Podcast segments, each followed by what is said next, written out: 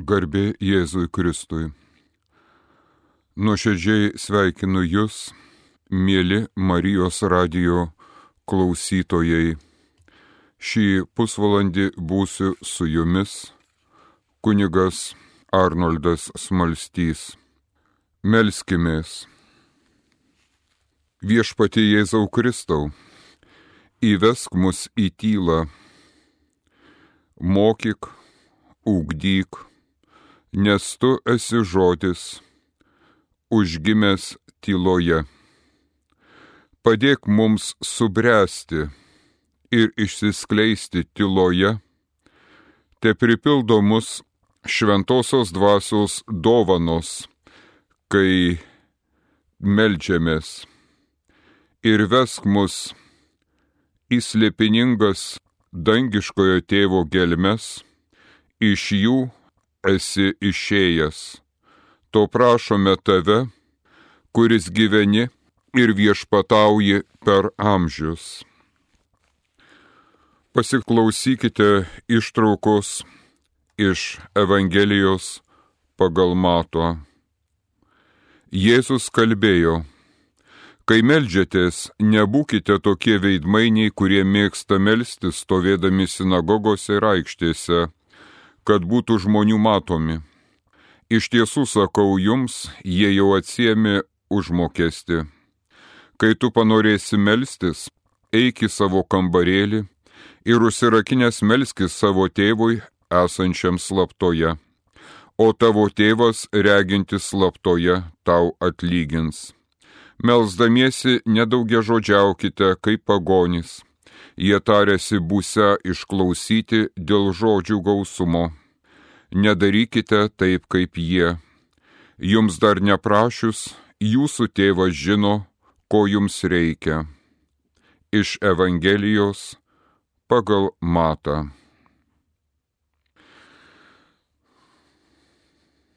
Nežinia kur ir visai nėra svarbu kada ir kaip. Susitiko du broliai šventasis Pranciškus ir šventasis Dominikas. Tyla buvo paženklintas jų susitikimas. Šioje tyloje jie išgyveno gilę tarpusavio bendrystę. Ilgai tęsiasi toji tyla. Sielų bičiulystė atminti, Pranciškus nusisegė savo juodą diržą, Gidominikas atidavė jam savo baltą virvę kurią buvo persijuosęs. Taip šiandien paliko, kad baltas Dominikono abitas yra perjuosiamas juodu diržu, o pranciškonišką abitą juosia balta virvelė, trimis mazgais besibaigianti. Šis apsikeitimas puikiai mums iliustruoja, kaip tampriai yra persipinusios šios dvi vienuoliškojo gyvenimo šakos šie du pranciškonų ir dominikonų dvasinio gyvenimo institutai. Tyla, mėly Marijos radio klausytojai, mes visi veržiamės į tylą, jos trokštame, tos dvasinės dermės ir ramybės. Šiandien tai populiarus minimalizmas, kuriame toks gilus visapusiškos darnos siekis, o jis brandina mumise tylą. Jei tik peržvelgsime į savo nugyventus metus, tai galėsime pastebėti, kad tie mūsų priimti pasirinkimai, gal rodos tuo met ir buvę tokie nereikšmingi, bet atlikti toje vidinėje tyloje, paliko tvarus ir šiandien neša vaisių o tai, kas rodos buvo svarbu, tame gyvenimo šurmulyje išblanko ir paliko tik svaja. Iš tos gilios dvasinės tylos gimsta tai, kas mes esame šiandien. Kodėl tad bėgame nuo tylos, nuo susitikimo su savimi pačiu? Tyla mums visuomet esti iššūkiu, jis legia, joje visa tiesa apie tai, kas mes esame. Čia nuslopinti jausmai vėl ima viršų. Jie neleidžia nurimti ir pasilikti tyloje. Reikia pastangų, atvirumo tiesai, kad tyloje galėtum būti surinktas, kad nepraslystum tik savo esaties paviršiumi, kad nebūtum vien tik mėtomas ir blaškomas gyvenimo tau teikiamų iššūkių ir dėl to sukilusių jausmų. Reikia prisimti atsakomybę už save ir savo gyvenimą. Sako, kad prabėgantis laikas apiplėšia mus, o gal iš tiesų jis tik parodo, kad buvai ir esi tuščias. Gyvenimo šurmulyje paskendęs žmogus pasitenkina tik tais laikinais, prabėgančiais džiaugsmais, tais trupiniais, nukritusiais nuo gausiai nukrauto žmogiškosios egzistencijos stalo. Tad kuo daugiau triukšmo, veiklos, kad tik išsaugotum ir išrėktum save. Kas vėja sėja, pjaus audrą. Toks triukšme paskendusio žmogaus likimas. Tyla, kuri baugina mus nebūtimi ir vienatve, iš ties veda mus į vienovę su savimi pačiu, su kitais ir su visu pasauliu. Ir ne tik sukilę jausmai, pažadintos aistros priešinasi tylai, bet ir nepažabotas protas žmogui neleidžia pasilikti su savimi pačiu tyloje. Linijinis mąstymo būdas nuo priežasties pasiekmės link skaldo ir išdalina. Visas gamtamokslis remiasi šiuo principu, bet jis neapseina ir be tokių, kurie iškelia tas rodos beprotiškas hipotezes, keistas prielaidas, kad paaiškintų vieną ar kitą reiškinį ar būvį. Ir mokslas, bandydamas tai paneigti arba patvirtinti, žengia progreso link. Žmogaus protas galingas įnagis, bet blogai, jei jis ima viršų ir viešpatauja žmogui. Tuomet mes negalime apimti visumos, bet matome tik paskiras dalis. Nes protu neįmanoma visą susijęti į vieną ir būti vaizdinio ekspertais.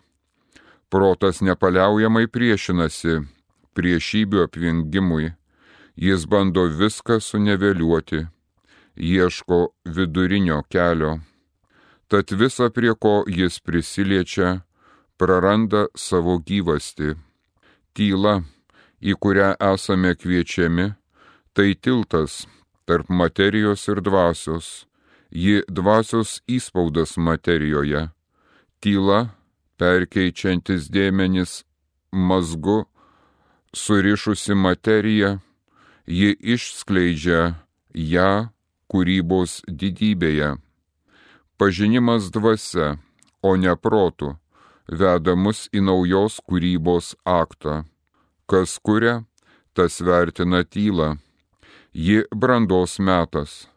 Pavyzdžiui, nedidingiausias muzikos kūrinys, jei iš jo pašalinsime pauzes, paliks tik garsų kakafoniją protų gydytojas te mato tik kliniką, lygą, diagnozę, kurią užrašys, reikia širdies, ji mato žmogų. Sau pripažinus, kad žinai, jog nieko nežinai, žengi slėpinio link, o ugdydamas dėmesingumą padedi protui vaisingai darbuotis. Iš nebūties į būti Dievas pašaukė pasaulį, jis sukuria iš nieko, tyloje. Dangiškasis tėvas nepaliauja darbuotis ir šiandien jis kuria ir visą palaiko. Taip tyla nėra vien tik priešybė triukšmui, ji mazgas, apjungiantis ir vienijantis chaosą, ji besitęsiančios Dievo kūrybos aktas - būti tylos meistru puoselėti tylą, tapti savo gyvenimo šeimininku, tai bendradarbiauti su dangiškuoju tėvu jo kūryboje, tyloje. Išminties knygoje skaitome, juk kai visa buvo apgaubusi švelni tyla ir naktis jau buvo įpusėjusi, tavo visagali žodis žengia iš dangaus nuo karališkojo sosto. Dangiškasis tėvas ištarė žodį. Nuo amžių pradžios jis pašaukė savo sūnų, gimusi iš jo, bet nesukurta. Dievą iš Dievo, šviesą iš šviesos, tikrą Dievą iš tikro Dievo. Dangiškasis tėvas gimdo sūnų ir materija sudreba ir ima merdėti iš siaubo. Kai nusileido, jis visą pripildė mirties. Stovėdamas ant žemės, jis lietė dangų. Umai baisų sapnų regėjimai ėmė juos gazdinti ir apniko netikėtos baimės. Vieni čia, kiti ten, pusgyviai ant žemės parblokšti, skaitome toliau išminties knygoje. Dangiškasis tėvas neščias sunumi, jis nepaliauja jį gimdęs, Jėzus Kristus, antrasis, švenčiausios treibės asmuo, tėvo atvaizdas nepaliauja šlovinės tėvą, dieviškosios meilės gelmėje. Iš jų dviejų bendrystės ir kyla Dievas šventoji dvasia. Visa tai sakrosanktum silencijum, švenčiausioje tyloje. Ikonų tapytojas Rubliovas puikiai išgavo šį tylos skambesį savo šventos treibės ikonoje. Mielas klausytojau, kiekvienas iš mūsų esame kviečiami būti įvesdintais į švenčiausios trybės gyvenimą, į tylą. Jūs esate Dievo šventovė ir jumise gyvena Dievo dvasia, mokys apaštalas Paulius. Jeruzalė šventikla pasitarnauja mums pavyzdžių. Jos centre šventų švenčiausioji vieta į kurią vieną kartą metuose įžengdavo vyriausiasis kunigas, kad paukotų Dievui auką. Ši vieta buvo visiškai tuščia, gaubiama tylos. Ir mumise, Dievo šventovėje, yra toji vieta, kurioje mūsų sielos siela, šventoji dvasia. Ji mūsų gyvybės pradmuo, ji mūsų dvasios centras, ji konsekruoja, pašventina mus. Taip tylos celebracija tampa mūsų gelmių evangelizacija, šventosios dvasios išsiliejimu mumise. Įdėksiu jiems savo įstatymą, jį įrašysiu jiems iš širdį, tada aš būsiu jų dievas ir jie bus mano tauta. Ir nebereikės bičiuliui raginti savo bičiulį ar broliui savo brolį, pažink viešpatį. Visi, maži ir dideli, pažins mane. Tai viešpatie žodis, rašys pranašas Jeremijas. Šioje piligrimystėje į save jau nebeieškome pažinimo pagal kūną, bet leidžiamės būti pažintais Dievo. Jėzuje Kristuje, įsikūnymu Dievas įžengė į mūsų būtį, į materiją. Visas pasaulis sukurtas pagal jį ir jam. Jis yra neregimojo Dievo atvaizdas, visos kūrinijos pirgimis, nes jame sukurta visa, kas yra danguje ir žemėje, kas regima ir neregima, ar sostai, ar viešpatystės, ar kunigaikštystės, ar valdžios visa sukurta per jį ir jam. Jis yra pirma visų daiktų ir visa juo laikosi. Rašys apaštalas Paulius laiške kolosiečiams. Vaizdžiai tariant, Jėzus apsivelka materiją tarsi rūbų, kuris yra jam siūtas ir išskirtinai tik jam tetinkantis. Dangiškojo tėvo pasiūtas Jėzuje Kristuje visa kūrinė tampa Dievo ikona ir yra sudėdinama ir ne iš savęs pačios kaip tokia, bet savaja paskirtimi, Pavyzdžiui, karališka mantija spindi prakilne didybė ir grožiu, bet ne ji viešpatauja ir valdo, o tik tai tas, kas ją dėvi. Toksai yra tikrasis kūrinijos išaukštinimas ir tai ne tos dažnai sutinkamos panteistinės idėjos. Dievo kūrinijoje, tame kas materialu, tyla įgalina mus atpažinti sakramentinį įspaudą, nes visas Dievo sukurtasis pasaulis yra regimas ir apčiuopiamas ženklas jo malonėms priimti.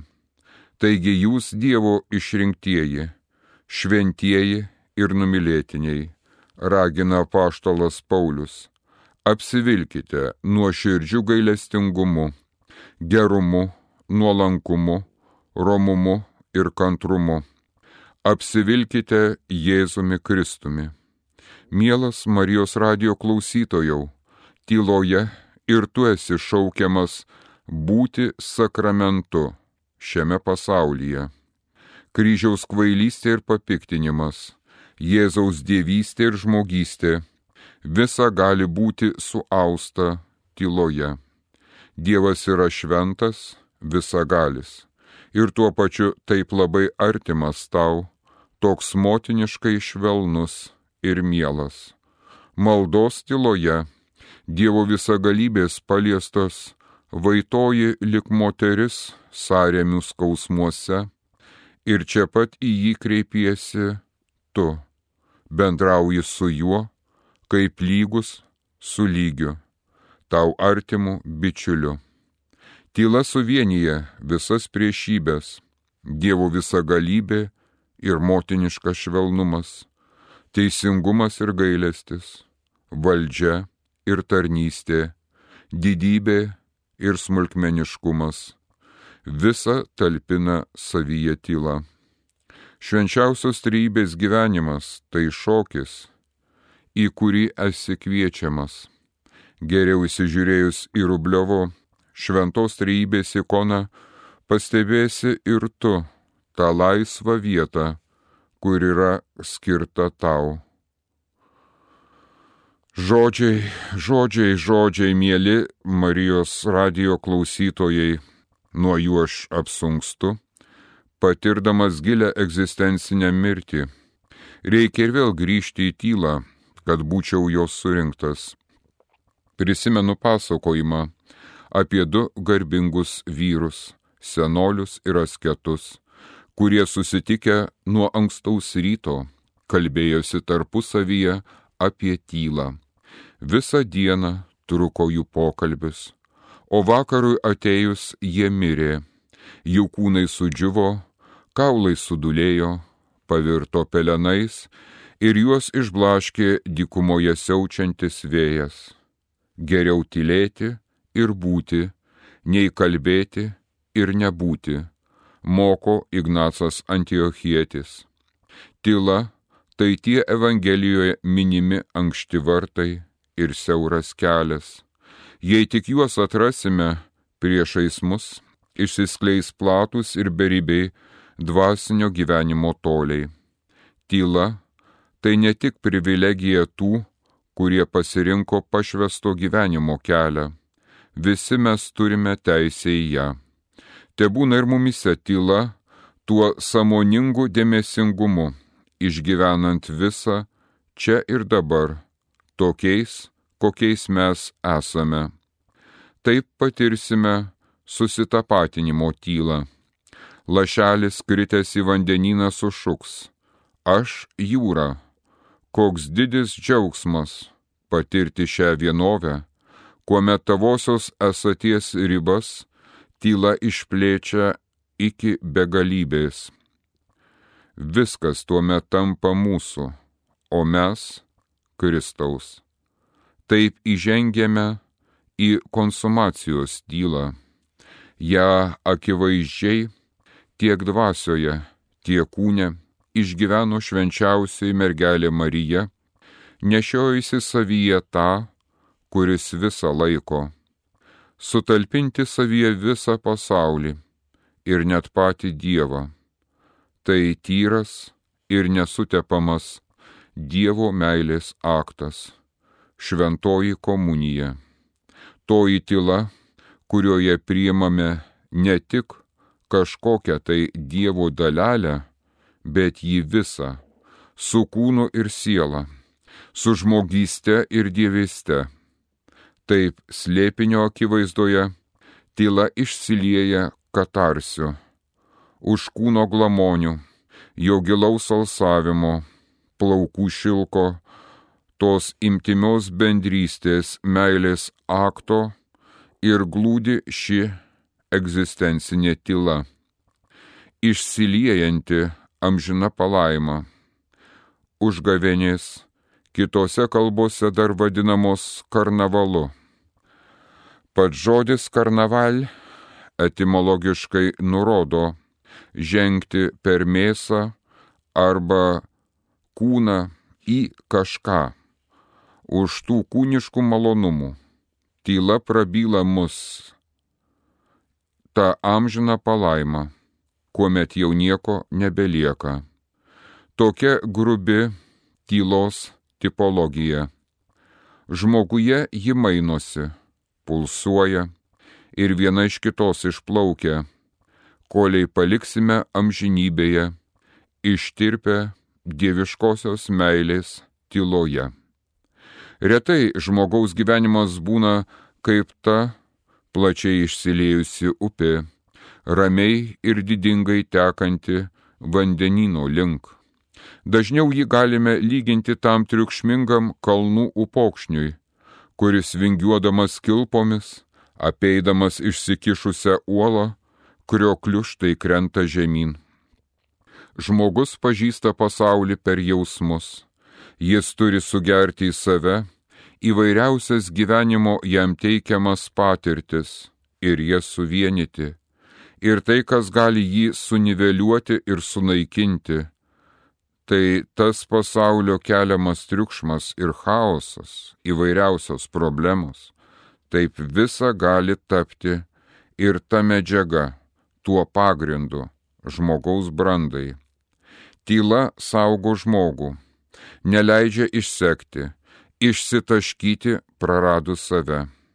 Ji mazgas, surišantis ir suvienijantis mus. Samoningai ugdydami ją atrasime, kad ji kaip mazgas, kuris ne tik suriša, bet ir išplečia mus, mūsų savasties ribas, tyloje gali apimti ne tik visą kūrinyje, bet net ir patį Dievą. Ignaco Antiochiečio raštuose randame paraginimą. Jei matysite vyskupą, kuo labiau tylint, tuo pagarbiau jo bijokite. Gal tai ir patraukė amžinos atminties popiežiaus Benedikto XVI dėmesį. Jis cituoja Ignacą Antiochietį jo žodžius. Geriau yra tylėti ir būti, nei kalbėti ir nebūti. Gera mokyti, jeigu tas, kuris kalba, daro. Vienas yra mokytojas, kuris tarė ir viskas tapo, o tai, ką jis padarė tyloje, verta yra jo tėvo.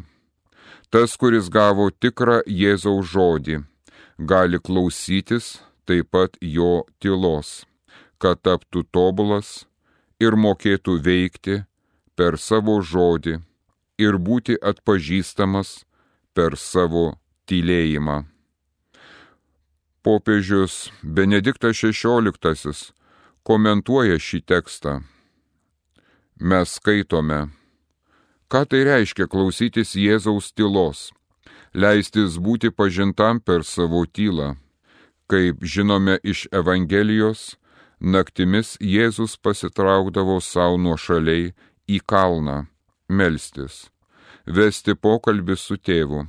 Žinome, kad jo kalba ir jo žodžiai išplaukia iš tylos ir kad jie gali bręsti tik tyloje. Yra akivaizdu, kad jo žodžius galime deramai suprasti tik tuo met, kai taip pat įžengsime į jo tylą, tik tuo met, kai išmoksime klausytis pirmiausiai jo tylos, o vėliau žodžių. Rašo popiežius Benediktas XVI ir tęsia. Mesgi nujaučiame, kad žodžių gausoje trūksta to, kas yra svarbiausia - įžengti į Jėzaus tylą, iš kurios gimsta jo žodžiai Jei nesugebėsime įžengti į jo tylą, tai jo žodžių taip pat klausysimės paviršutiniškai ir iš tiesų nesuprasime.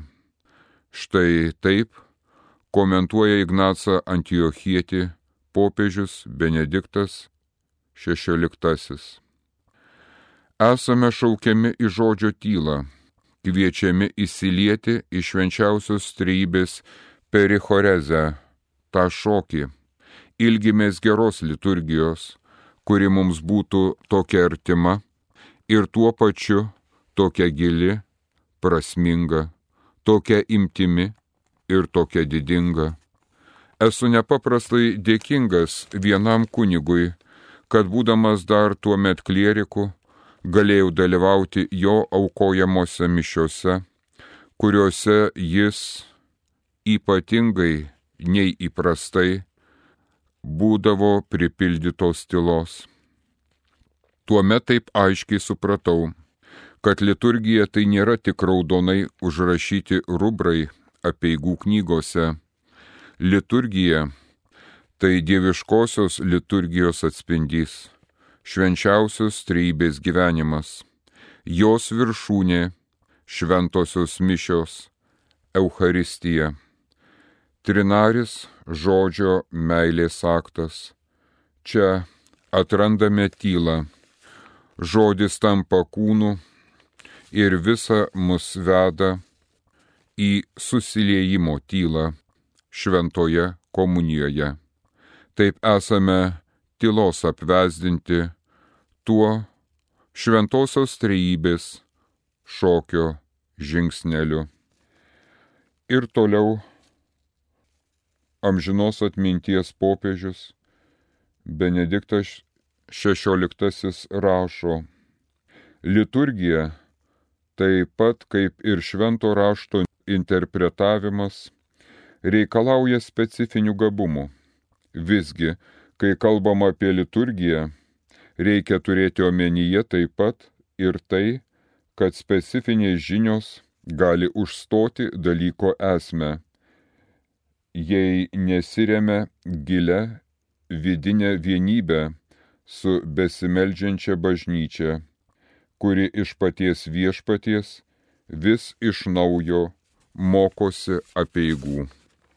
Tikri liturgikai ne tie, kurie gerai išmano šio dalyko esmę, bet tie, kurie sugeba tikėjimu vis naujai įžengti į dvasinę tikrovę, celebruoti švesti tylą, kuri išplaukia iš šventosios treibės lėpinio.